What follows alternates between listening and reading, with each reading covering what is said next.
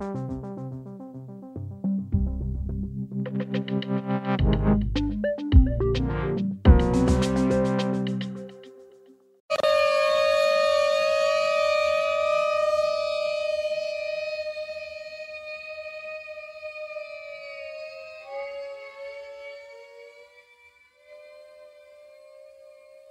fristens, man fristes næsten til at sige godt nytår, men øh, det er ikke nytårs øh, krudt eller de der øh, blæsedudlutter, vi kan høre her. Det er i stedet en nordmand, der hedder Ketil, der for at markere årsdagen for Ruslands invasion af Ukraine stillede sig foran den foran nogle lejligheder, hvor de russiske øh, diplomater bor i, i Norge, og så afspillede han ellers øh, den her lyd af, af luftalarmen, og det gjorde han midt om, om natten for at vække dem, og han kaldte også aktionen for Wake a Russian. Ketil Krane, du er personen bag den her demonstration. Godmorgen. God, godmorgen, godmorgen. Øhm. Ja, væk, væk på norsk. Jeg vet ikke om det er det samme på dansk, men på norsk kan ordet væk bety, ha en dobbelt betydning. Både å vekke fysisk om natten, men også å vekke oppmerksomhet og få folk til å forstå at de i denne sammenheng at de har et medansvar. Altså at De russiske diplomater som er i Norge, de er jo utsendt av utenriksminister Sergej Lavrov, eh, Putins varme forsvarer. Men de er jo her også som representanter for et terrorregime som bomber og dreper sivile, ødelegger infrastruktur, skyter mot sykehus, barnehjem, eh, altså voldtar, dreper, torturerer. Eh, det er, ikke en, det er ikke en vanlig krig mellom to krigførende parter. Det er en, en, et, et reelt terrorregime, som jo i tillegg er vår nabo. Og det var det, øh, det er de øh, tanker, du her præsenterer for mig, som fik dig til at ja, også selv stå op midt om natten. Du ødelægger jo ikke bare de russiske diplomaters nattesøvn, du har også ødelagt din egen nattesøvn. Øhm, jo. er, det, er, det egentlig, er det egentlig ulovligt at stå og spille den her lyd foran de diplomater? Det er nok det, fordi man forstyrrer den offentlige ro og orden. Ja. Uh, og, og, det er jo klart, Naboene ble, kunne også bli skremt, så, så noen oh, yeah. dager i forveien så hengte jeg opp en plakat jeg hengte opp en plakat hvor jeg på en måte fortalte at noe kom til å skje, ikke når, men at det kom til å bli støyende og, at det ikke var farlig. Ja, fordi men de men, naboer, der så ikke har set ikke, den plakat, de har jo troet nu, det er jo, det er jo luftalarmer, det her det er lyden af. De har jo tænkt, åh oh, nej, hvad pokker sker der nu? Men så kigger de ud af vinduet, så står du dernede, Ketil, med en højtaler, Du, det, det, var en såkalt gettoblaster, en boombox, som, mm. som, jo Det hørtes jo helt forferdelig ut. Det var en, egentlig er det en japansk tåkelur fra 1937 som jeg fikk låne, og som vi har avspilt og, og, og som vi brukte. Men la, la, meg få lov til å føye til én ting. Det er en, yeah. en, norsk dikter som jeg ikke vet om man kjenner i Danmark, som heter Arnulf Øverland. Uh, han fikk, han, han, hans navn igjen. Arnulf Øverland. Ja, måske, jeg kender ham ikke, øh, men det kan være, der er han er, han, han, han er berømt i Norge, og ja. i 1937 så skrev han et dikt som, med, med, med følgende strofe. Du må ikke tåle så inderlig vel den urett som ikke rammer deg selv. Mm. Vi bor i fredelige altså nå, nå, kjenner jo ikke jeg danske forhold veldig godt. Min, min datter bor i København, men, men jeg, og jeg har gode venner i Danmark. Men, men, eh, jeg vet jo ikke hvordan krigen betraktes og behandles, og hvordan media reagerer. Men jeg vil jo tro at man i Danmark har akkurat den samme oppfatning som i Norge. At dette er uhyrlig. Det er forferdelig. Og vi må ikke sitte stille og bare se på. Vi må kanskje gjøre noe mer. Eh, så min oppfordring til danske lyttere er fortell de, fortell de russiske diplomater i Danmark at uh, dere kan velge. Våkne opp, dere kan velge. Søk politisk asyl, bli danske statsborgere, eller fortsett indirekte å støtte dette terrorregimet. Og øh, nu opfordrer du øh, danskere til også at, at gøre noget, øh, gøre det samme, måske stille sig ud med, med en højtaler foran øh, russiske diplomaters hjem her i Danmark. Øh, for det første, så er det jo nok ulovligt. Øh, men for det andet, så vil jeg også, godt spørge, så vil jeg også godt spørge, øh, om du har tænkt dig at gøre det igen? Jeg vurderer faktisk andre aksjonsformer, flere aksjonsformer. Eh, jeg har fått hundrevis av reaksjoner fra norske uh, lyttere og seere som mm. har vært ekstremt positive. Uh, og jeg tror nok at hvis jeg skulle få en bot, en bøde, så tror jeg nok at uh, det ville være mange som ville være med på å dele den. Ah. det er kanskje også tilfellet i Danmark. Hvis man gjør noe som er ulovlig, men ikke farlig, og som til de grader retter seg mot en, en, en terror, et terrorregime, så er det kanskje mange som vil synes at det er en ok idé, og vil være med på det. Mm. Okay. Så, men jeg, jeg, har jo ikke noe med å oppfordre dansker til å gjøre noe som helst. Man, men man, man, kan tenke selv, og så kan man jo vurdere hva man har lyst til å gjøre eventuelt. Det kan være seg å samle inn penger til Ukraina, til ukrainske barn, til sende klær, sende mat, sende altså mm. våpen. Det er, jo, det er jo fantastisk. Men vi må stoppe. Vi må stoppe Putin. Vi må stoppe Russland. Og nu har du i hvert fald øh, spillet den her lyd foran øh, de russiske diplomaters hjem. Ketil Krane, ja. personen bag ja. demonstrationen Wake Russian, tak fordi, at du vil stå tidligt op i Norge og være med her i min, Danmark. Min glæde, min glæde. God dag. ha det veldig godt. Hej. All right. Og øh, godmorgen til dig også, fordi du lytter med derude. Hvor er det da en fornøjelse at, at have dig med. Det var en, en noget voldsom lyd, den her luftalarm, og tænk at blive vækket af den. Det, det er jeg glad for, at det ikke er noget, der sker for mig. Nu skete det så faktisk for dig, for du har måske lige akkurat tændt morgenradioen. Vi har et, et godt program legnet op til dig i dag, og der er faktisk lidt et, et tema i det her med at, at genere øh, russere, fordi de er russere. Øhm, nu er der de her diplomater, de er jo så godt nok ansat af, af det russiske styre, Øh, dem har Ketil generet. En, der ikke er ansat af, af det russiske styre, øh, som har boet i Danmark i, i 30 år, og øh, godt nok har en russisk baggrund. Øh, hun er ansat på, på en folkeskole i Helsingør, Nordvestskolen, og øh, hun er også været udsat for, hvad der kunne tyde på at være en form for chikane. Det er en øh, historie, der kørte overalt i, i går, særligt i Berlingske øhm, en lærer på en skole, Nordvestskolen i Helsingør, som har russisk baggrund, har undervist ukrainske flygtningebørn, og det har sat øh, helvede og brand i gang. Folk har været øh, rasende over både, at skolen kunne finde på at lade denne her øh, dame undervise ukrainske flygtningebørn, og så har de ukrainske flygtningebørn og deres øh, forældre også været rasende og protesteret, demonstreret, afbrudt undervisning. Vi har nemlig fået en, en redegørelse fra skolen, der, der beskriver forløbet. Og øh, i den redegørelse står der blandt andet, at, at, øh, at han er endt med, og, eller hun, øh, lærer, den kvindelige lærer her er endt med at, at få krisehjælp. Og øh, derfor stiller vi spørgsmålet her til morgen, om ukrainske flygtninge skal have lov til at genere undervisning i den danske folkeskole. Øhm, det, er jo, øh, det er jo en beretning her, der står blandt andet, at der nu er tilkaldt en krisepsykolog med begrundelsen. Lad os bare lige få nogle af fakta på plads her. Fredag den 24. februar eftermiddag bryder flere af både danske lærere og ikke-etnisk danske lærere sammen. De oplever et fundamentalt angreb på såvel deres arbejde som det danske samfund, samt det at være en multietnisk skole, hvor der er plads til alle – og alle behandles med respekt og en stor tolerance for den enkelte. Forud for denne forløbige kombination har en lærer med dansk statsborgerskab og russisk baggrund oplevet en række ubehagelige episoder, der startede første dag, vedkommende skulle overtage en, en ny klasse. Og øh, det her det kommer vi altså ind på i, igen senere, og vi får øh, ligesom nogle af de her episoder udpenslet. Det gør vi øh, sammen med blandt andet Øslem Sikic, som også har et, et par ord at sige i i denne her sag, men, men det, den, den tager vi altså lige om, om en små syv minutters tid. Er det en god deal at gå fra biodiesel til sort diesel i busserne i Ballerup?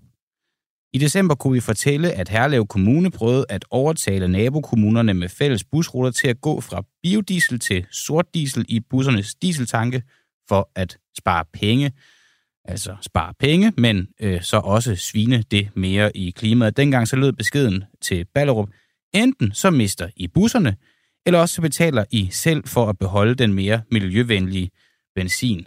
Vil I være klimavenlige, så skal I selv øh, betale for det, eller også så kommer bussen bare ikke hjem til jer, for vi andre, vi vil ikke være klimavenlige længere. Sådan kan man også oversætte dette. Øhm, I går aftes så skulle der så øh, være møde i kommunalbestyrelsen i Ballerup Kommune, hvor de skulle tage endelig stilling til, hvordan den her sag her den skulle håndteres. Og Helle Hardø Tidemand, du er formand for Klima- og Miljøudvalget i Ballerup Kommune. Godmorgen.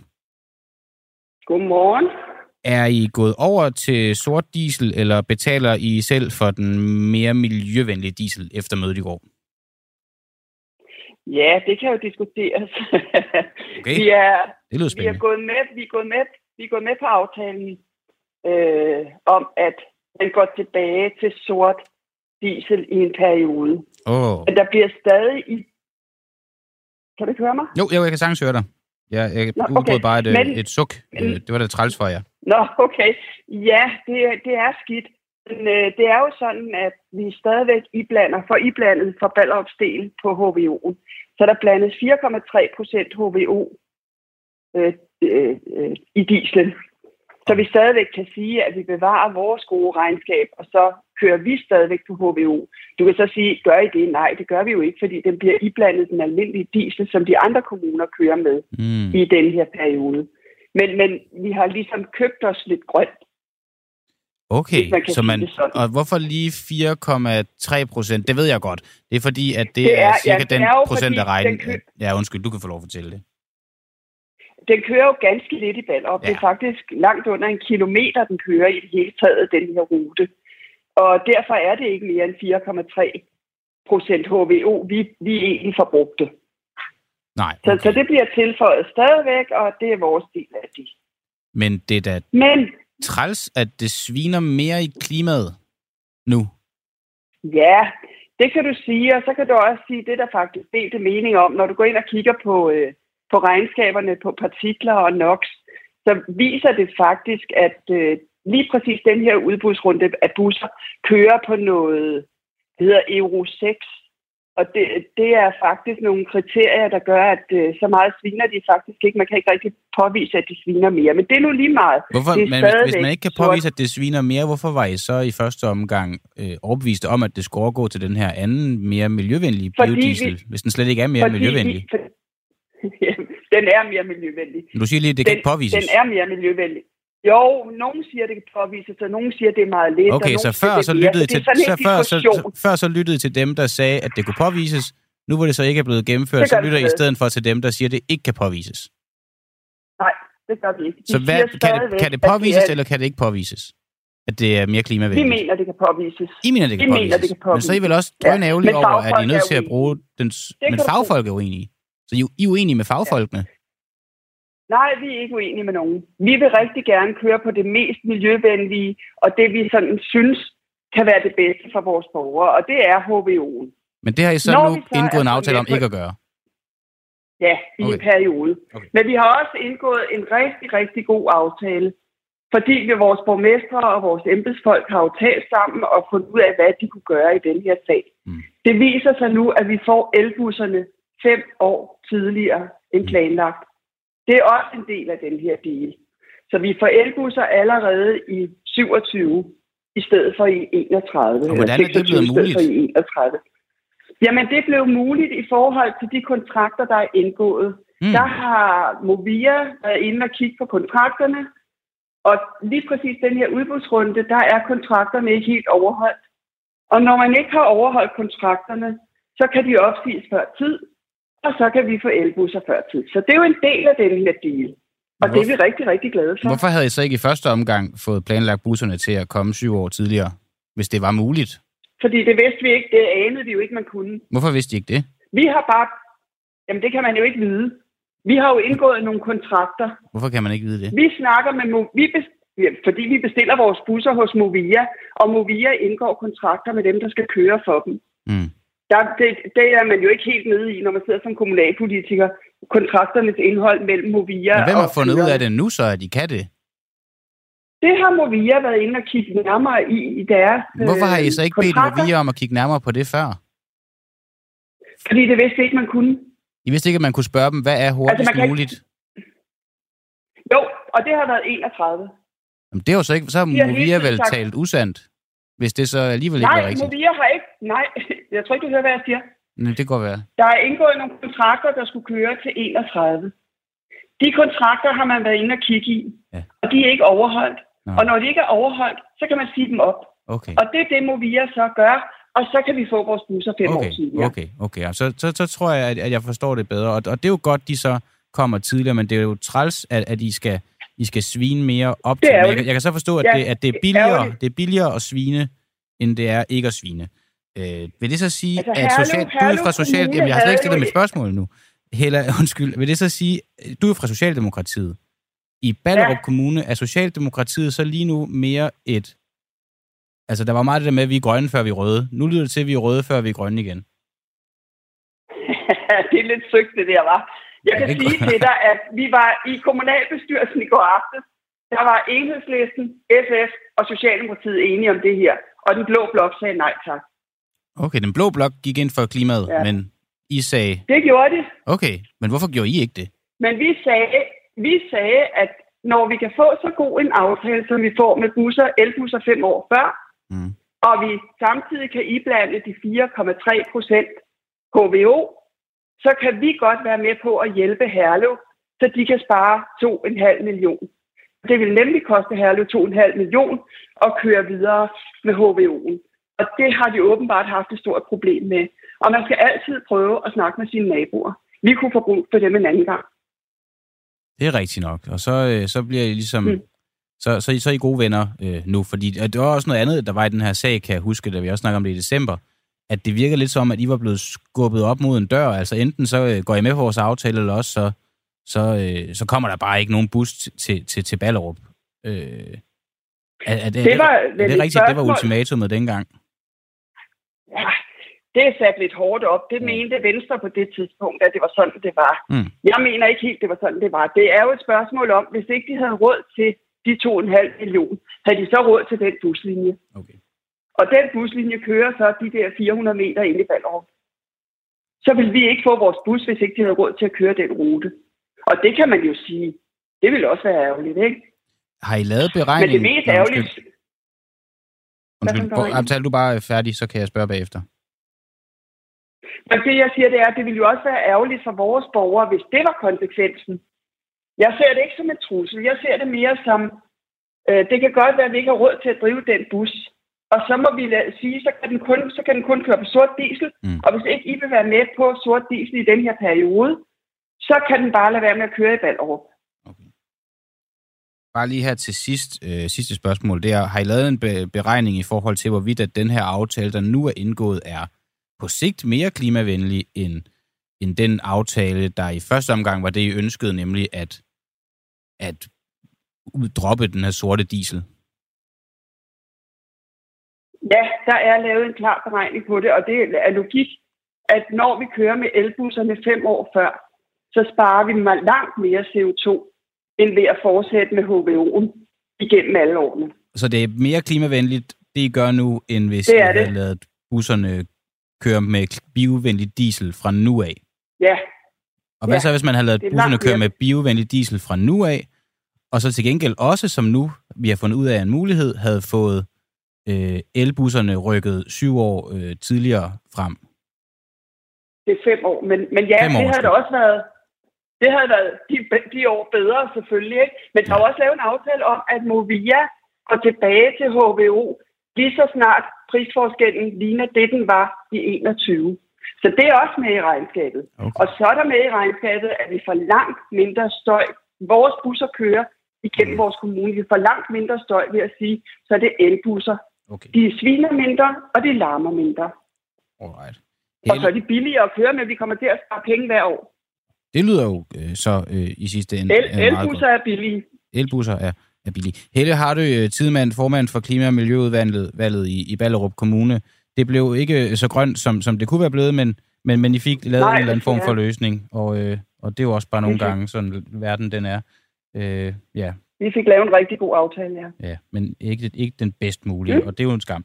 Men sådan er det. Nej, det var det ikke. Ja. Nej, det var det ikke. Ja. Og det er træls. Øh, men så øh, lad os sige, at, at det var det, og så siger jeg tak for, at du var med, og så må du have en god uh, tirsdag. Jamen, velbekomme. Ja. I lige mod dig. Hej. Nå, Marianne Lunden, eller Lunden skrev, øh, kunne I eventuelt lade hinanden tale ud, så vi som lytter kan høre dit svar, der bliver skide. Og øh, ja, det kunne vi jo godt have gjort. Og øh, jeg, jeg så din besked og, og tænkte, Marianne, du har nok ret, og, øh, og, og lytteren har jo altid ret. Kunden har altid ret, og I er vores kunder. Og øh, det er det, I skal huske, at, at, at I er kunder hos os. I kan se øh, frihedsbrevet som en butik, øh, hvor en uafhængig morgen, det er ligesom udstillingsvinduet lige nu.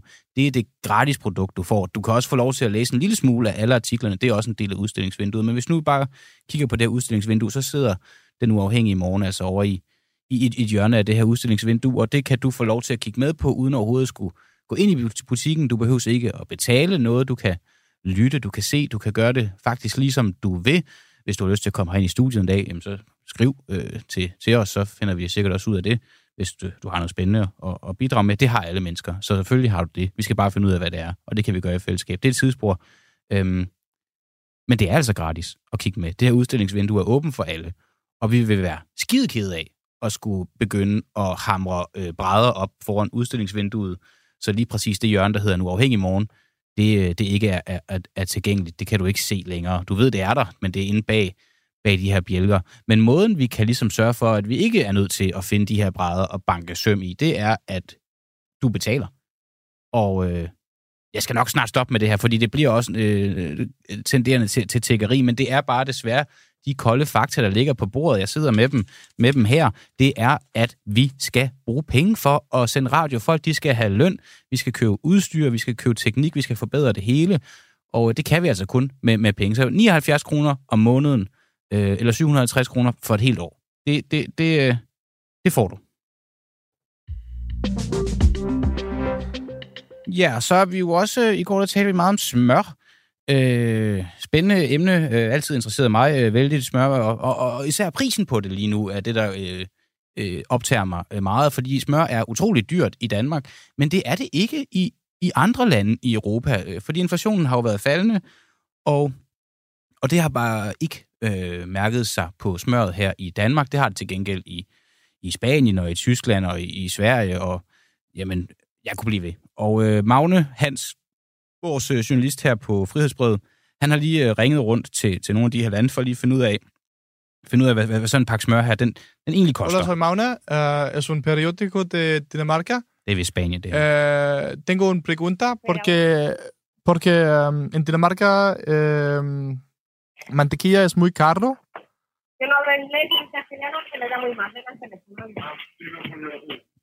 Jeg tror, han har spurgt om, hvad smør koster. It goes around by yeah. 98 cents, 1 euro. For how much? Is it 250 grams or 500 grams? 500 grams. Uh, 400 grams. 400? Perfecto. Muchas gracias, señor. Yeah.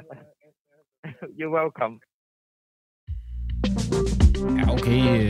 Øh, 1 euro for 400 gram smør. Nu er øh, ting vist også generelt lidt billigere i, i Spanien, men, men i Danmark, der koster 250 gram smør, eller faktisk bare 200 gram smør, det koster helt op til 28 kroner.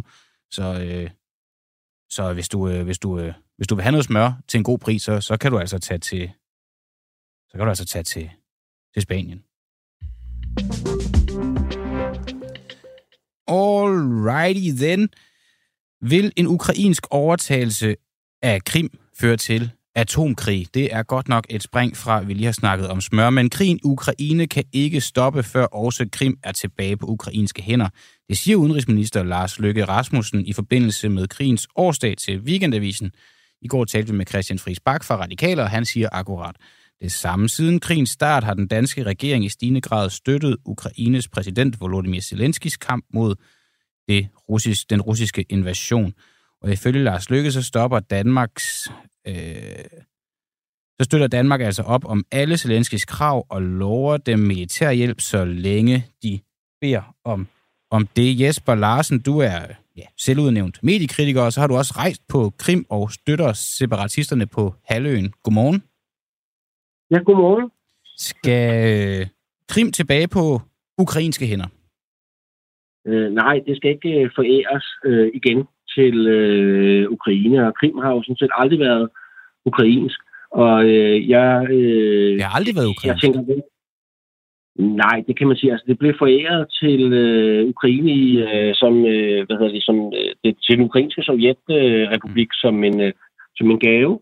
Og øh, da så Sovjetunionen blev opløst, så kom det ikke øh, tilbage til, til Rusland, hvad, hvad der var en fejl, eller hvad der virkelig var øh, stor utilfredshed med, med lokalbefolkningen der.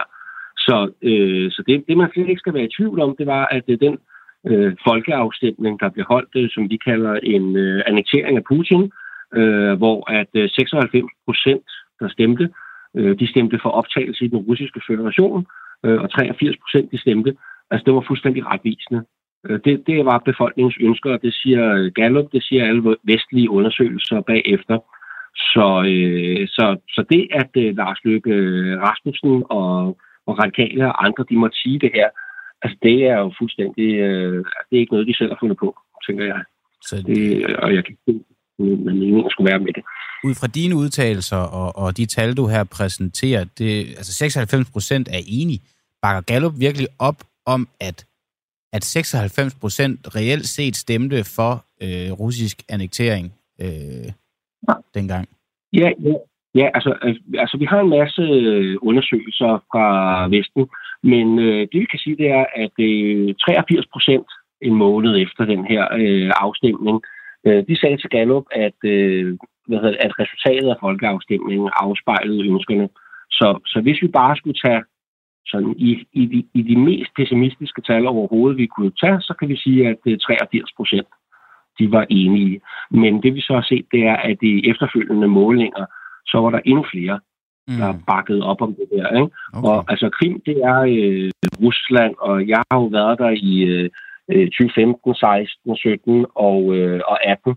Og øh, altså, øh, ja, det, det, det er simpelthen ingen tvivl om overhovedet. Øhm, det, det, det er det, som befolkningen de, øh, de ønsker. Du har ikke... Øh, altså, ja, der skal selvfølgelig være nogen, der gerne vil tilbage til Ukraine, men, øh, men, men, men slet ikke i den nuværende situation. Du vil sige, pensionisterne har fået russiske pensioner.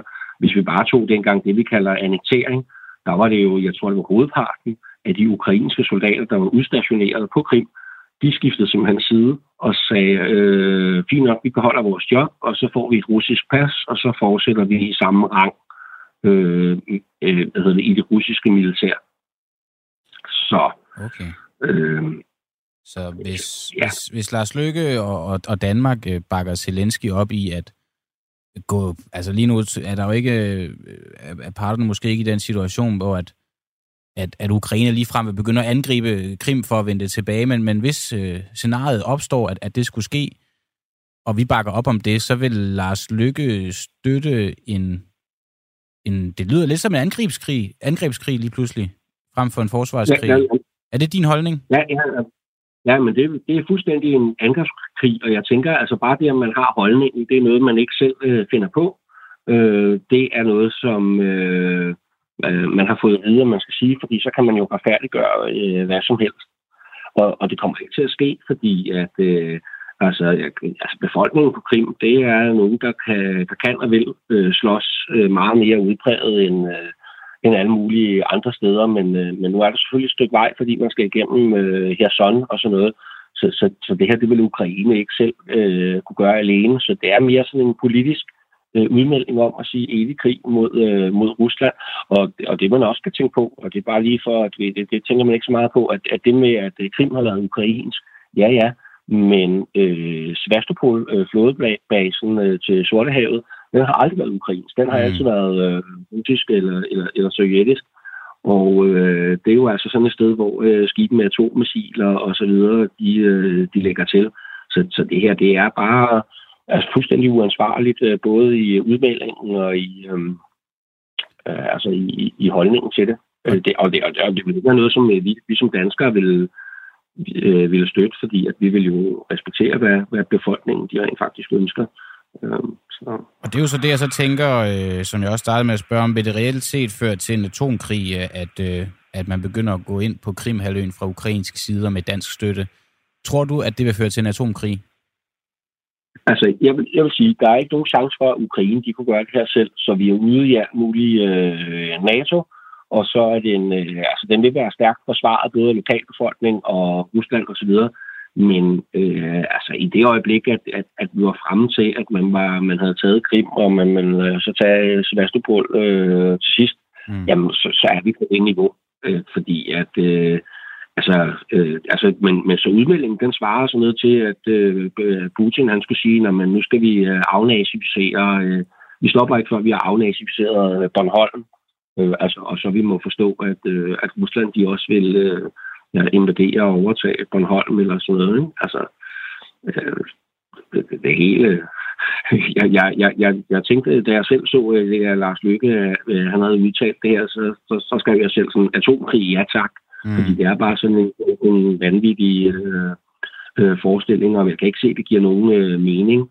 Øh, hvorfor skulle man gøre det? Og jeg vil så sige, at Ukraine har været meget klar, og det gælder både befolkningen i Øst og øh, på Krim, at, hvor de siger, at vi vil gerne have territoriet, men vi vil sådan set ikke have befolkningen.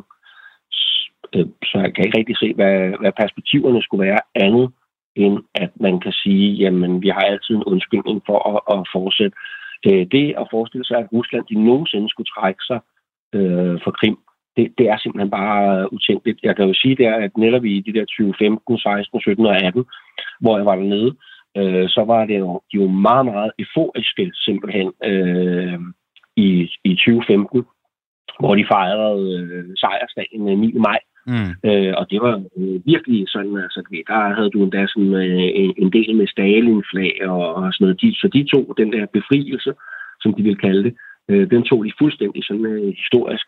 Og så sådan hen over årene, så blev de meget øh, mere almindelige russere, så de fejrede dagen, men øh, nu er de sådan mere, hvorfor er der stadig huller i vejene, og øh, hvorfor øh, har vi givet kontrakter til ukrainske oligarker og sådan noget. Så bliver de meget mere russiske på den måde, at øh, mm. så brokker de sig over noget, der er galt i, øh, i, i det russiske system, øh, som de har fikset. Men, øh, men derfra og så til at sige, at øh, øh, ja, ja, altså de kan være utilfredse, mm. men, øh, men, men, men ikke fordi, at de vil tilbage til Ukraine. Nej øh, nogen som helst måde. Må jeg, må jeg bare lige spørge her til sidst, uh, Jesper Larsen, øhm, og tak fordi du var med i øvrigt. Øhm, den her Gallup-undersøgelse, er det Gallup i Danmark, der har lavet den Gallup-undersøgelse, eller er det Gallup i Rusland? Øh, nej, det er jo faktisk, øh, altså jeg kan jo sige, at den er betalt af, hvad hedder det, det der hedder National øh, Endowment for Democracy, så det, det, altså det er simpelthen en undersøgelse, der er betalt af det amerikanske officielle Og hvem har lavet den? Og, Ja, ja og, det, og, og, og det er så Gallup. Øh, jeg tror, de er, de er taget derned. Så, men de, de står simpelthen inden for, at... Det, men er det Gallup i Rusland, det, eller er det Gallup i Danmark? Det er ikke, fordi det behøver at betyde øh, store for undersøgelsen, men det er måske bare meget rart lige at vide. Øh, nej, men det er, altså, det er nogen, som vi fuldstændig anerkender. Så der er ikke noget Gallup i, i Rusland, sådan som jeg ser det. Og så er der så... Det er ikke Gallup i Rusland, der har lavet den? Nej, det, det, det er fuldstændig repræsentativt. De, de, jeg tror ikke, de angiver selv, øh, hvem der er hvem. Men, øh, men, men vi har Tysklands største meningsmålingbureau, GSK, mm. øh, som der er meget større end Gallup. Vi kender der Gallup i Danmark, men de har lavet en tilsvarende undersøgelse, og, øh, og, og der viser resultaterne fuldstændig det samme. Okay. Altså, så der er ingen tvivl. Og, øh, Okay. Øh, Jamen, det er fint, Jesper. Det var, jeg skulle bare lige vide det. Tak fordi, at du var med øh, her til morgen, og så må du øh, have en god dag. Ja, selv tak, øh, og lige måde godmorgen. Mm-hmm. Så har jeg fået en gæst i studiet her. Det er dig, Øslem Sikic. Ja, hej. Godmorgen. Godmorgen. Har du en, øh, en god morgen? Du er tidligt oppe. Jeg ved ikke, om det er tidligere, end du plejer det her? Nej, det er det ikke. Nå, okay. Så jeg plejer faktisk at være op lidt i seks. Åh, oh, okay, ja. okay. Jeg tager lige mikrofonen lidt tættere på dig, yes. så vi bedre kan høre dig. Jamen, du er jo forfatter og foredragsholder og tidligere medlem af Folketinget for SF, og vi skal tale om en skole i Helsingør. Jeg har allerede øh, præsenteret lidt af det, men det kan være, at du lige vil fortælle lytterne, hvorfor vi skal tale om den her skole.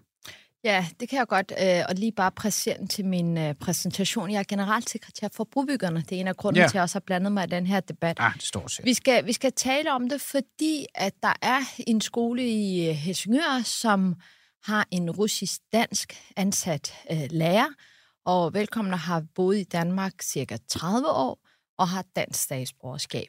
Og øh, hun underviser så to ukrainske børn en time om ugen i musik, og, øh, og mødrene til de her ukrainske flygtningebørn øh, vil gerne have, at det ikke er en russer, der underviser, og de har så mange beskyldninger for, hvorfor det ikke fungerer. Altså, og Benedikte Kjær, som er borgmester i Helsingør, har bedt om en redegørelse, og som jeg forstår det i redegørelsen, der bakker øh, skolen 100 procent øh, sin lærer, og nu vil man gå i gang med et opbyggende brobygningsarbejde. Ja, ja. Ja. Og det er jo rigtig nok, det har skabt en, en del ballade, og øh, øh, blandt andet læreren, den pågældende lærer her med russisk baggrund, har øh, fået øh, krisehjælp på baggrund af episoder. Jeg kan bare lige nævne, starter allerede første dag, hun, hun begynder arbejdet. To elever, de skriver øh, ifølge Helsingør Skole, det her er en del af en redegørelse fra skolen, som vi har fået en, en indsigt i.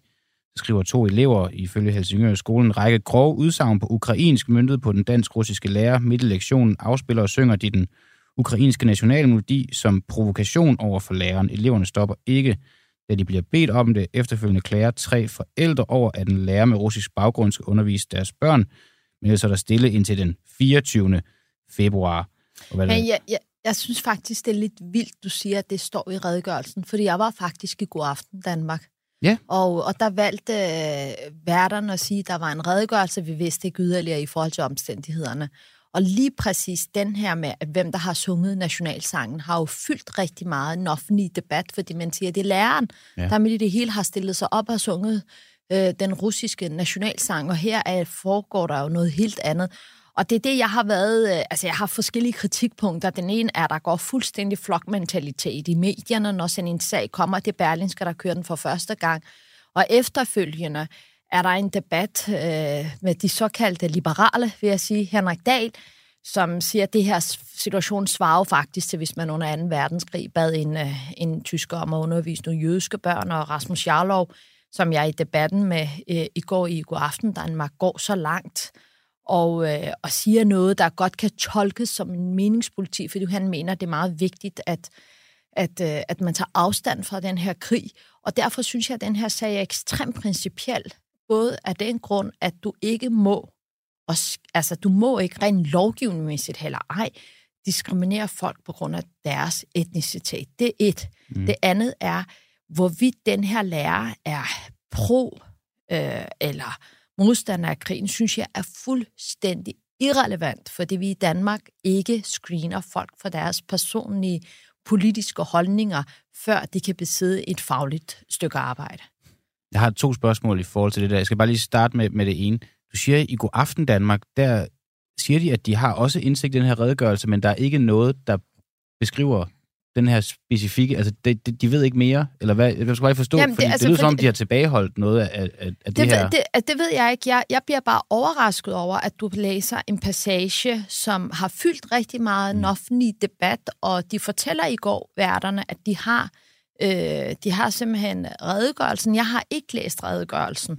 Jeg udtaler mig på kun på baggrund af det Ja, principielle i sagen, og, og det siger, at vi skal ikke gå ind i det, men det er mere, at skolen bakker 100 procent øh, op omkring sin lærer, og ikke yderligere detaljer. Og det synes jeg faktisk er en ret væsentlig detalje, mm. fordi at Rasmus Jarlov øh, flere gange hentyder og siger, hvis nu, vi kender ikke til den her sag, men hvis nu den her lærer er meget pro-russisk, pro-Putin, og det får lov til at sådan lidt hænge ud i luften, den Mm. der mistænkeliggørelse. Og der bor jo lidt over 60, hvad hedder over 6.000 russere i Danmark, og tallet for efterkommere er med stor sandsynlighed højere. Og normalt siger vi jo, at de flygtninge, vi tager imod, ikke skal tage krigene med til Danmark. Og mm. vi et- som et demokrati selvfølgelig ikke øh, altså placerer flygtninge alt efter, hvilken etnicitet det har i nogle kloner. Altså det gør vi jo ikke. Vi, vi blander folk. Forestil dig, hvad der havde sket under Balkankrigen, hvor vi fik både bosnier og øh, folk fra øh, det, vi kalder i dag for Kroatien og øh, Serbien, at hvis der skulle være særlige klasser for dem alle, vi lærer de flygtninge, der kommer, hvordan det fungerer i et rigtigt demokrati. Og i et rigtigt demokrati, der er det jo sådan, at man ikke diskriminerer folk på baggrund af deres etnicitet, og at der ikke er en meningspoliti. Mm. Det synes jeg er helt afgørende at understrege. Og at der ikke er et meningspoliti, og at du også ligesom øh, før øh, i talesæt det her med, at man screener ikke lærere for deres øh, holdninger i, i folkeskolen. Og det, det kunne jeg forstå på dig, det, det synes du er godt, man ikke øh, gør det. Ja, fordi det vil jo svare til, at, at en fra Dansk Folkeparti for eksempel, en der stemmer Dansk Folkeparti eller sympatiserer sig med Dansk Folkeparti, ikke vil kunne arbejde i Tingbjerg. Eller at en læge, som øh, hvad skal jeg sige, har en stor sympati for Erdogan, præsidenten mm. i Tyrkiet, ikke kan behandle kurdiske øh, patienter. Altså, det er, jo ikke sådan, det er jo ikke sådan, vores samfund er bygget op. Og derfor synes jeg, altså der, hvor jeg har råder fra, der er det naturligt. Altså, jeg har råder fra Tyrkiet, der er det naturligt, hvorvidt øh, din politiske holdning afgør, om du kan for eksempel være dommer. Mm. Øh, og, og det mener jeg ikke hører til i et demokrati. Vil det... Altså, så er der jo også den risiko, at man kan få en lærer, der sympatiserer med islamisk stat og dyrker det. Jamen, nu er der en ret stor forskel, fordi det er ulovligt at sympatisere med terror. Mm. Og der er der en helt klar lovgivning. Det kan du ikke. Og, og det vil selvfølgelig have nogle konsekvenser for dig. Øh, ikke holdningsmæssigt kan du godt, men altså handling. Men jeg tror, der er men du må godt andre... have holdningen, at du synes, islamisk stat er super duper. Ja, det tror jeg faktisk, du har ret i, at du må have. Øh, og, og, der... og det er jo sådan en del af det, når man ikke screener lærer for deres holdninger. Den risiko løber man også, at der står en. Og kan man så være sikker på, at en, der sympatiserer stærkt med islamisk stat, men ikke udøver noget i forhold til det, mm. kan være sikker på, at vedkommende 100% kan holde tilbage med egen holdning Altså normalt, når man ansætter en lærer, så skal mm. de jo leve op til skolens værdier og det formålsparagraf, der for eksempel også er i folkeskole, øh, øh, altså folkeskolens formålsparagraf. Ja. Så jeg vil jo mene, at det er ikke i øh, overensstemmelse med den, altså de demokratiske værdier, at man, øh, at man arbejder i en skole, der ligesom på den måde danner og uddanner unge i at være demokratisk. Mm. Men hvis du spørger mig, om der er sådan en garanti for, at vi ikke kan have ansat nogen, som har nogle meget, meget mærkelige holdninger, så vil jeg sige nej, det garanti kan man ikke give et demokrati. Og det er jo ligesom også den høje pris, man betaler for friheden. At, øh, fordi ellers så skal, du, så skal man jo bo, bo i øh, Nordkorea, fordi der kan man jo forsikre dig om alle mulige ting, men der mm. er der også en meget, meget stærk øh, antidemokratisk øh, regime, der styrer. Og nu siger du også, at du har været i debat i går med, med Rasmus Jarlov. Der er mange, øh, særligt lige i starten, da, da den her nyhed begynder at løbe ud i går, der, der indtager den holdning, at det er også for galt, at denne her russiske lærer skal undervise ukrainske elever, og der ligger en hel masse bagved om, at hun har sikkert ikke øh, kunne forholde sig objektiv, og hun har sikkert gjort det ene og det andet, og det har affødt mange reaktioner. Øhm, nu er du så en af dem, der, der, der tager det modsatte hold og siger, det skal hun også have lov til. Vi har, jeg har bare lige afspille et lille klip fra en, en lytter, vi, vi snakkede med i, i går, der hedder, øhm, han hedder, nu skal I se hans navn, han hedder Otto, vi får lige hans efternavn bagefter, han hedder Otto, øh, og han har lidt modsat holdning af dig. Det, der, det er ligesom man burde have gjort fra ledelsens side, det var, man har sagt, jamen selvfølgelig skal de have lov at møde Svetlana, eller hvad, den, hvad læreren hedder, men lad os nu lade de ukrainske unger få en oplevelse af, at tingene er trygge, og tingene de er gode her i Danmark. Men når der så var gået et stykke tid, lad os nu bare sige tre måneder, så vil de jo også sige, at når skolen kommer med en lærer til os, så stoler vi også på den lærer, fordi alt, hvad der er sket imod os, har været færre og rimeligt her i Danmark. Det, det er simpelthen bare det forkerte valg at starte med. Så simpelt er det. De, de åbner for en mulighed for en konflikt, børn og børn i den forbindelse. Så man kan ikke bare sige til dem, at de skal opføre sig ordentligt. Mm. Det er helt det samme, som, som Henrik Dahl siger. Tænk en gang, hvis man havde lavet tysker øh, undervise jøder, og der var jo masser af gode tyskere, også i Tyskland. Skal, skal skolerne i Danmark sørge for, at der ikke bliver sat en israelsk lærer eller en jødisk lærer til at undervise i en klasse, hvor der er palæstinensiske børn? Ikke lige til at starte med, så skal de jo ikke gøre det. Altså, det ville jo være at, at stå og vinke, vift foran tyren med en, en rød klud. Så man kan sige, hvad ville der være gået af skolen, hvis de havde valgt en anden approach til at starte med? En anden approach, en anden håndtering af sagen. Øhm, har, har skolen håndteret den her sag godt fra start ifølge dig? Det ved jeg ikke, fordi jeg kender simpelthen ikke sagens yderligere detaljer. Jeg ved ikke, hvor, hvor længe de her børn for eksempel har været i den pågældende skole. Jeg ved kun, at Men de vi har... ved fra første dag her, den her episode, der finder sted. Ja, at det, at det er det der, der sker. Altså, jeg synes, der er... Altså, nu, nu siger jeg jeres lyttere, man kan jo ikke sige til børn, de skal opføre sig ordentligt. Det mm. mener jeg godt, man kan. Jeg mener godt, det er skolens opgave at sætte nogle rammer og efterfølgende fastholde de rammer over for børn. det er klart, der er en stor brobygningsarbejde her. Og mange af de her børn kan godt være utrygge, fordi de kommer fra et land, hvor fjenden har været russere. Men de skal jo også samtidig lære, at de er ikke i en krigszone. Og de mennesker, de møder her, er øh, ikke dem, de møder, øh, deres fædre møder nede i slagmarken. Og det er en ret stor forskel, som jeg synes, skolen skal påtage sig den opgave, fordi alternativet er, hver gang vi tager imod flygtninge, så skal vi begynde at screene, hvem der kan tage sig af den. Mm. Og det er jo, altså, jeg synes, det vigtigste må være, øh, hvem der er dygtigst til det, de laver, og hvilken kompetencer de har, frem for om de er på den ene eller anden måde har en eller anden etnicitet. Og den her lærer har boet i Danmark i 30 år, der har dansk statsborgerskab. Mm. Øh, og, øh, og derfor synes jeg, at det er en glidebane, fordi hvor går grænsen? Hvad er det næste? Skal vi også sige, når der kommer en patient ind i et sundhedsvæsen, at øh, ej, nu skal vi altså lige den her patient få lov til at vende sig til det, og derfor så skal den her hjertelæge ikke behandle ham for hans hjerte, øh, øh, altså hjerteproblemer. Altså, det er jo ikke sådan, det foregår. Eller sådan bør det ikke være. Nej, jeg kan sige, der er mange i kommentarsporet, der er enige med dig. Øh, Charlotte Petersen, hun skriver, er for en gang skyld enig med, med Øslem, så der øh, mødte du en, du måske ellers var, var uenig med. Og Susanne Kellerup siger, at der er intet at tale om, de unger og forældre skal opføre sig ordentligt. Det er ikke en måde at belønne vores gæstfrihed.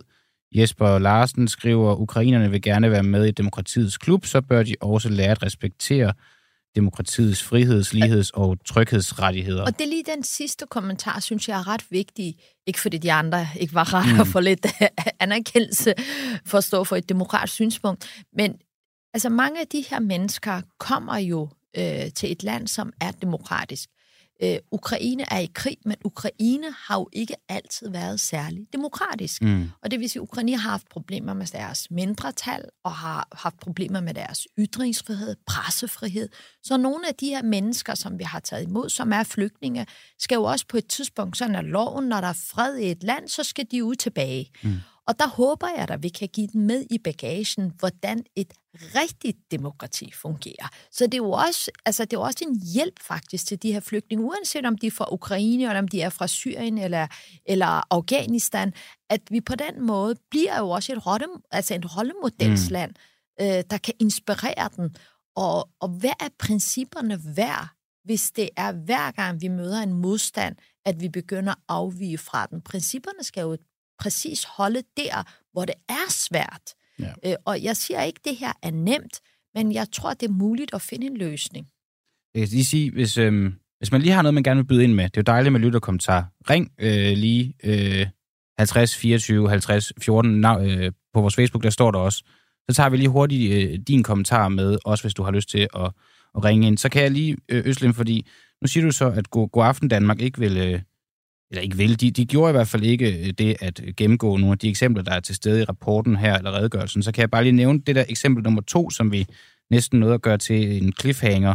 Det er den 24. februar, hvor de beskriver, at her afbryder to ukrainske piger fra 6. klasse undervisningen i en klasse, hvor læreren har palæstinensisk baggrund. I redegørelsen så står der, intentionen er at fremvise det ukrainske flag som en provokation af den dansk-russiske lærer, den palæstinensisk fødte lærer prøver at få pigerne til at gå ind i klasselokalet, som ikke er deres eget.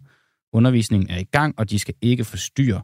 Hun prøver samtidig at tale med pigerne om situationen, da den palæstinensisk fødte lærer ikke lykkes med at få pigerne til at pakke fladet væk, og øh, undlader at gå ind i klassen, tager hun fladet og beder dem om at gå med op på kontoret, hvor de kan snakke i fred og ro.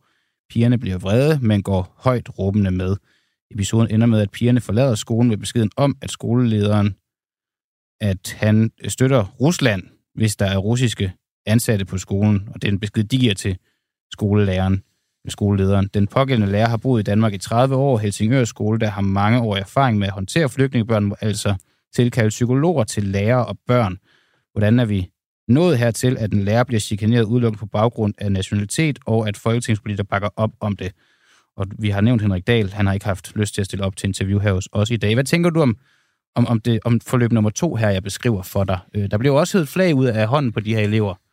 Altså, det er en skide svær situation for alle. Hvordan tænker du, at den er blevet håndteret? Altså, jeg synes mere... Altså, jeg, jeg har ikke været der. Du læser en redegørelse op, ja, som ja. jeg slet ikke har hørt før. Men det, jeg har hørt i, i en offentlig debat, det er, øh, som mange simpelthen har øh, gentaget, det er, det er den ukrainske lærer, eller den russiske lærer, der tager den her flag fra deres hænder, og det er blevet ligesom... Øh, altså, øh, og det skulle være, an, altså anledningen skulle være den 24. februar, altså årsdagen, hvor det her så sker. Der er jo mm. mange detaljer, som forsvinder, mange nuancer, som forsvinder i den offentlige debat. Og det er det, jeg mener med, at der meget hurtigt går et flokmentalitet i det. Og i forhold til det her, så med de nuancer, der forsvinder i den offentlige debat, øh, Henrik Dahl er inde i den, Rasmus Jarlov er inde i den, er, sådan, er russofobien gået for vidt, når folketingspolitikere som Henrik Dahl og Rasmus Jarlov blåstempler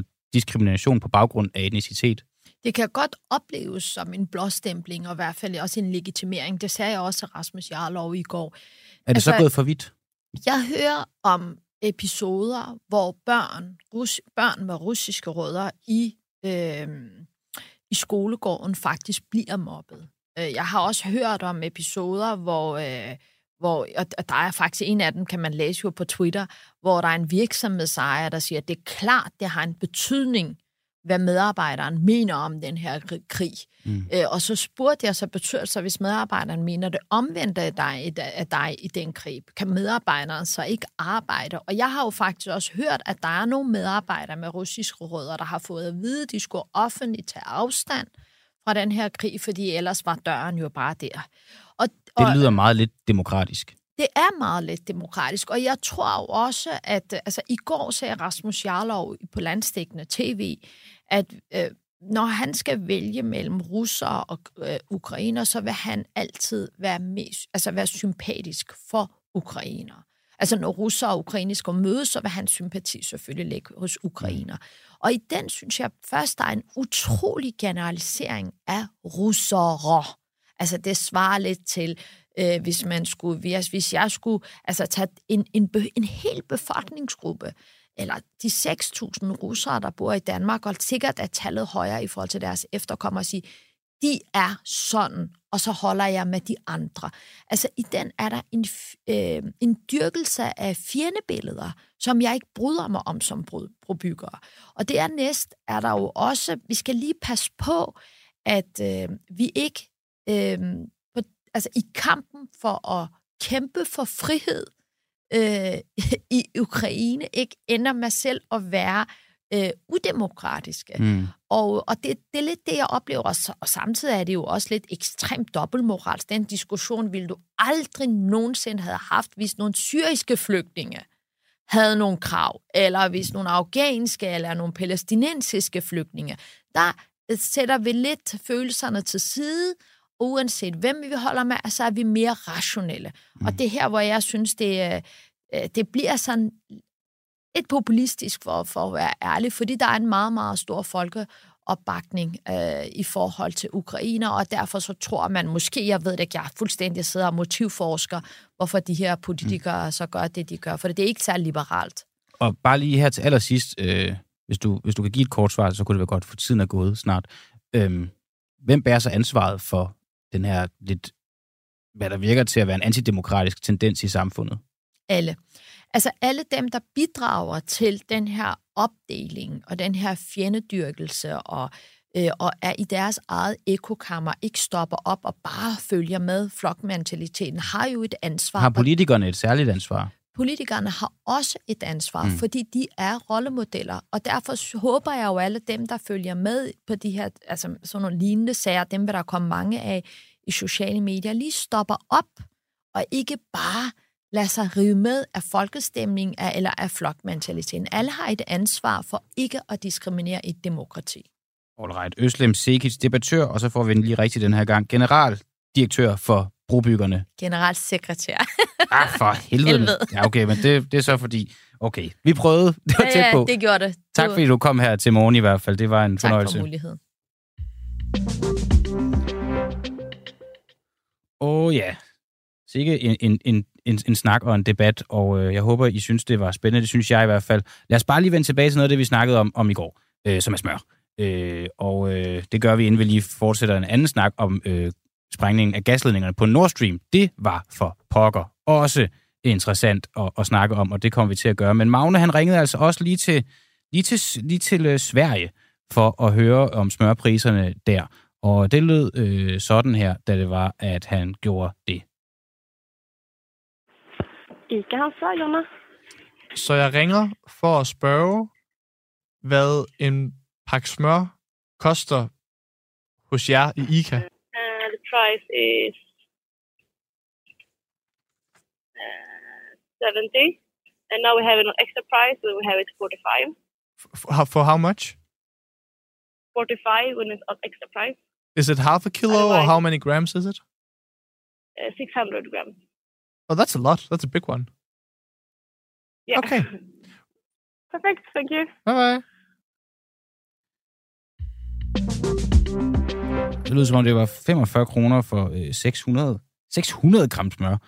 Øh, har du nogen smør. købt 600 gram smør? Det tror jeg ikke, jeg har, nej. Nej, det er nemlig meget smør. Nå, det er ikke det, det skal øh, handle om. Øh, Magnus Mio, du er journalist her på Frihedsbrevet, Ja. og vi skal snakke om Nord Stream sprængningen af gasledningerne, fordi vi ved jo stadig ikke, hvem det var, der gjorde det. Nej. Gør vi det? Jeg gør ikke i hvert fald. Nå, okay, det kunne altså have været fedt, Desværre. at du kunne. Jeg kan ikke, Kunne- øh, jeg kunne kan ikke break break nu. den i dag. Du har jo interviewet et, et par personer, som måske kan bringe os tættere på et svar så. Ja. Hvem er det, du har interviewet? Jamen, øh, jeg har blandt andet interviewet øh, Niels Andreas Masvig, som øh, han er nordmand. Han mm. har ligesom øh, i 15 år stået for at indgå kontrakterne fra det firma, der hedder det norske Veritas, som er ligesom dem, der, der har indgået kontrakterne med russerne om de her gasledninger. Så han har stået for at forhandle kontrakterne med, med Gazprom, det russiske selskab, og, og russerne. Øh, og så har han stået for simpelthen også sådan, øh, han har været ansvarlig for i hvert fald at tjekke ledningerne. Så han har, hvad kan man sige, en føling med, hvad der sker ved ledningerne, hvordan infrastrukturen er, og, og hvordan billedet ser ud dernede under vandet. Øh, hvad, det, hvad det vil kræve at, at springe sådan en ledning også. Og peger han så i retning af, han har jo en indsigt, kan man så forstå. Ja. Peger han i retning af, hvem han tror, det kunne være, ud fra Han- den indsigt? Han peger i hvert fald i retning af, hvad man ikke tror, det er. Øh, Oh. Så, så han gør os måske så meget sagt ikke klogere på, hvem det kan være, men han har i hvert fald et, et par ting, som han mener, han kan afkræfte. Øh, Ja, okay. Og det at blive skubbet væk fra, fra en tanke, er jo også at så blive skubbet Tættere på tættere på en ny, for nu bliver jeg væk fra mikrofonen. men, men, men du forstår billedet. Ja. Skal vi lige høre dit interview øh, med ham lidt af det? lad os tage en lille bid af det her måske. Det kommer her. At the time I was uh, working with these pipelines, I was employed by a company with which I'm not associated with anymore. In my role in DNV, I negotiated the certification contracts that DNV had for all the four major export pipelines of Gazprom. From your perspective, who do you think is, is behind the sabotage and who do you think would we can maybe rule out as a culprit for the sabotage? yeah that, that would be that would be outside my my remit so to say to to share any any speculation on that and and i just found it uh, illogical that a european company making money from importing gas to europe would uh, would do such such damage to its own asset Mm. and and the same goes for Nord Stream 2 i i just found it I didn't see why there should be a motive for for the operator of uh, these two pipelines. Does that mean you don't see a motive for European governments or the Russian government as well? Or is that solely the the companies that you you refer to? This is pure pure speculation. If if if the European market would not be interested in buying Russian gas, they I guess they could as as a as a customer just say no, thank you. Mm. Uh, they wouldn't have to um, to make an explosion to communicate that message.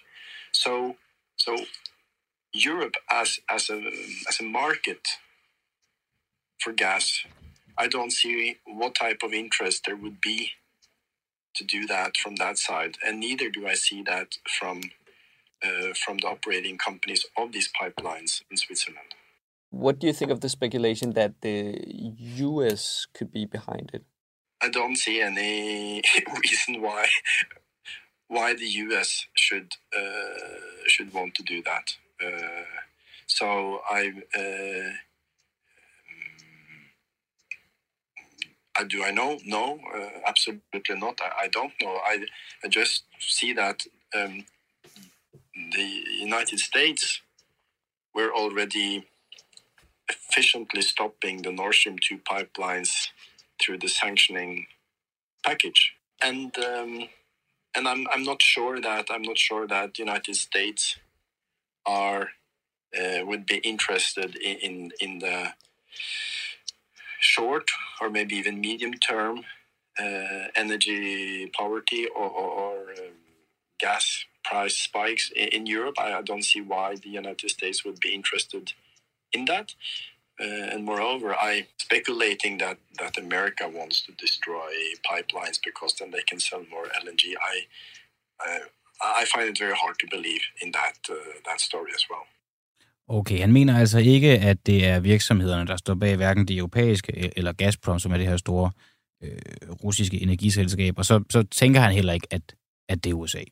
Nej, man kan sige, det, det øh, lidt interessante perspektiv, han har på, på hele vinklen om, om det skulle være USA, er jo, at, at han øh, peger på det her med, at man har sanktioneret det ret kraftigt fra amerikansk side. Man har de facto øh, altså, lukket ned for den forretningsmæssige side af det her. Øhm, så, så, så han mener ikke, at der, der simpelthen øh, er et motiv egentlig for USA til at, at springe det i luften. Øhm, og det, det kan man sige, det er jo, det er jo meget interessant ud fra øh, hvad kan man sige, det virksomhedsmæssige aspekt af det. Ja, præcis. Og, øh, og hans indsigter. Nå, okay, så ved vi det. Hvor går vi så hen herfra, Magnus? Fordi jeg ved jo, du, du bliver ved. Så hvad har du så gjort? Jamen, jeg har jo øh, med interesse i løbet af sidste uge læst øh, Ekstrabladet har kunne afdække, at øh, at øh, de har fået fat i nogle, nogle fortrolige papirer, der viser, at USA ligesom har lavet et diplomatisk forsøg på at øh, komme ned og undersøge stedet efter øh, eksplosionen. Øhm, så, så det har jeg øh, talt med en seniorforsker på DIS om, som mm. er forsker i energisikkerhed, og, øhm, og specifikt i forhold til Østersøen og Nord Stream. Øhm, fordi det, vi undrer os over her på Frihedsbredet, det er, øh, man har ligesom lavet det her diplomatiske forsøg øh, for USA for at komme ned og undersøge det, men Øh, samtidig så John Kelly, den øh, politiske koordinator for USA, han sad faktisk præcis for en uge siden i FN's Sikkerhedsråd og sagde, at det var Tyskland, Sverige og Danmark, der undersøgte det her sted. Mm. Og pegede altså ikke på, at USA også var en af dem, der undersøgte det. Så den øh, forskel i udmeldingerne, øh, diplomatisk og officielt, øh, spurgte jeg den her øh, kyndige forsker til, øh, ja. om, om det ligesom var bemærkelsesværdigt på nogen måde. Det lyder jo bemærkelsesværdigt. Hun hedder Trine Willumsen Berling, og ja. øh, vi kan lige høre en af, en af spørgsmålene, du stiller hende øh, her. Ja. Altså, jeg mener, det ville være mærkeligt, hvis ikke de havde gjort det. Altså, jeg, jeg, synes, øh, jeg synes sådan set, at det peger på, at hvis USA selv havde været bag det her, hvorfor i alverden skulle de så ned og kigge på det? Så vidste de jo godt, hvad de ville finde. Og hvis, det, og hvis det var en eller anden form for mediestunt om at lade, som om det ikke var os, så ville man ikke have lavet en, en diplomatisk øh, uformel føler. Så havde man brug for, at det kom frem. Altså i medierne. At man bad om adgang. Det er ligesom sådan en bagvendt logik, at det skulle være, fordi de selv havde gjort det, at de siger det lidt hemmeligt, om de så må komme ned. Fordi, som jeg vist også sagde til Ekstrabladet, altså der har jo været flere lande nede på det tidspunkt, og har fjernet det meste af, hvad der kunne have været altså ligesom a smoking gun øh, omkring, hvem der har udført den her sabotage. Så amerikanerne kommer i hvert fald ikke ned på det tidspunkt og skal til at fjerne et eller andet. Plus, hvis de kunne gå ned i september og udføre sabotagen, hvorfor i alverden går de så ikke også bare ned igen øh, og fjerner det, uden at, at vi behøver at, at få en forspørgsel om, om de kan få lov. Alright. Hvis USA havde gjort det, vil man ikke have gjort det sådan. Det indikerer, at det ikke er USA. Sådan lyder det fra seniorforskeren ved, ved, ved DIS. Ja, hun giver heller ikke meget for den amerikanske vinkel. Hvad så nu? Jamen, så jeg vil jo gerne blive... Altså, hun, hun har jo om noget en, en kompetence inden for det her, ja. øh, specifikt øh, i Østersøen og Nord Stream omkring energisikkerhed. Så, så jeg vil ligesom gerne have hende til at pege en pil i en eller anden retning. Mm. Øh, så spurgte de selvfølgelig til, hvem, hvis hun ikke tror, det er USA, øh, hvem tror hun så, det er? Og der pegede hun blandt andet på, øh, det er meget interessant, hun pegede på, at de mekanismer, der ligesom er sket i forhold til øh, russisk propaganda, øh, har været de samme, øh, som da man ligesom startede med at ligge rørledningen, øh, og, og undervejs i konstruktionen, hvor man har øh, vist de her øh, vestlige fiskerbåde og både, der ligesom skulle sådan forstyrre det her og sådan noget. Det, det er ligesom de samme mekanismer, som hun så har genkendt efter den her eksplosion, mm. øh, som ligesom peger, peger pile mod, mod vesten. Øh, så hun, hun peger simpelthen øh, pilen mod øst. Det tror jeg, hun forklarer lidt bedre i, i et klip, vi har med her. Ja. Hun ser altså nogle tendenser.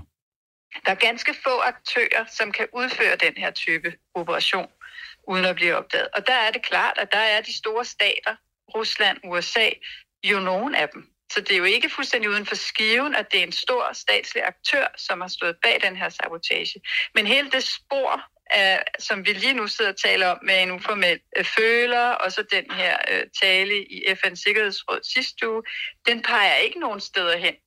I hvert fald ikke på USA, så vidt jeg kan bedømme. Det, at USA har lavet den her øh, diplomatiske henvendelse, at man ikke har gået ud med det offentligt, øh, og at man ligesom har gjort det, det under radaren, det mener du mm. peger på, at det ikke er USA, der står bag det her? Altså, det vil i hvert fald være en underlig proces at sætte i gang, hvis, hvis man i forvejen havde været dernede og havde udført det her øh, angreb, eller den her sabotage, at man så beder om at få lov at komme derned en hel måned efter det er foregået, og efter at flere stater allerede har været dernede og kigge. Vi ved jo ikke, hvem der har gjort det. Jeg tror bestemt ikke, det er USA. Det har jeg også sagt hele vejen igennem. Jeg mener konstant, at pilen har peget mod øst, Øh, og øh, altså, at man ruder op i det igen på baggrund af en dårligt researchet øh, historie fra en kendt amerikansk journalist fra russisk side, det har jo bare været belejligt, fordi det var op til, til et år for, for krigens øh, begyndelse i Ukraine. Altså det har været super belejligt, at Hirsch er kommet med den der øh, artikel, som ingen så rigtig har ville øh, forholde sig til i de vestlige medier, fordi den, den var så dårligt researchet ikke, og bakket op. Ja, I går så kunne Ekstrabladet så afdække, at Forsvarets efterretningstjeneste efter sabotagen i alt hemmelighed blev bedt om at lave en vurdering af al russisk aktivitet. Det er både i forhold til sabotagen og så det efterfølgende GPS-angreb, der fandt sted i Storebælt seks dage efter sabotagen. Hvad den FE-vurdering indeholder, det ved vi jo ikke noget om på nuværende tidspunkt, men... Det er jo kun gidsende om. Ja, og du er nysgerrig, så derfor så vil du jo prøve at finde ud af det. Ja, det vil jeg da gerne. Ja, og det må vi så se, om, Lad os se, om, om, det, kan om, om det kan lade sig gøre. Jeg kan også se, at der er mange, der har skrevet ind øh, angående FN's øh, Sikkerhedsråd. Og, øh, og det, det, vi holder øje med, med det hele, og, og, og Magnus, han, øh, han, han har alle... Altså, du, du, du, du har alle, alle blikretninger ude. Snuden i sporet. Du har snuden i sporet, det er det rigtige øh, ord. Tak, øh, Magnus Mio, journalist af på Frihedsbredet, fordi du var med. Tak til Magne Hans, der har stået for øh, teknikken og regien og få gæster ind og ud. Han har haft et vældig rand her til morgen. Og tak til dig, kære lytter, fordi du lyttede med. Nu er klokken 8.07.51.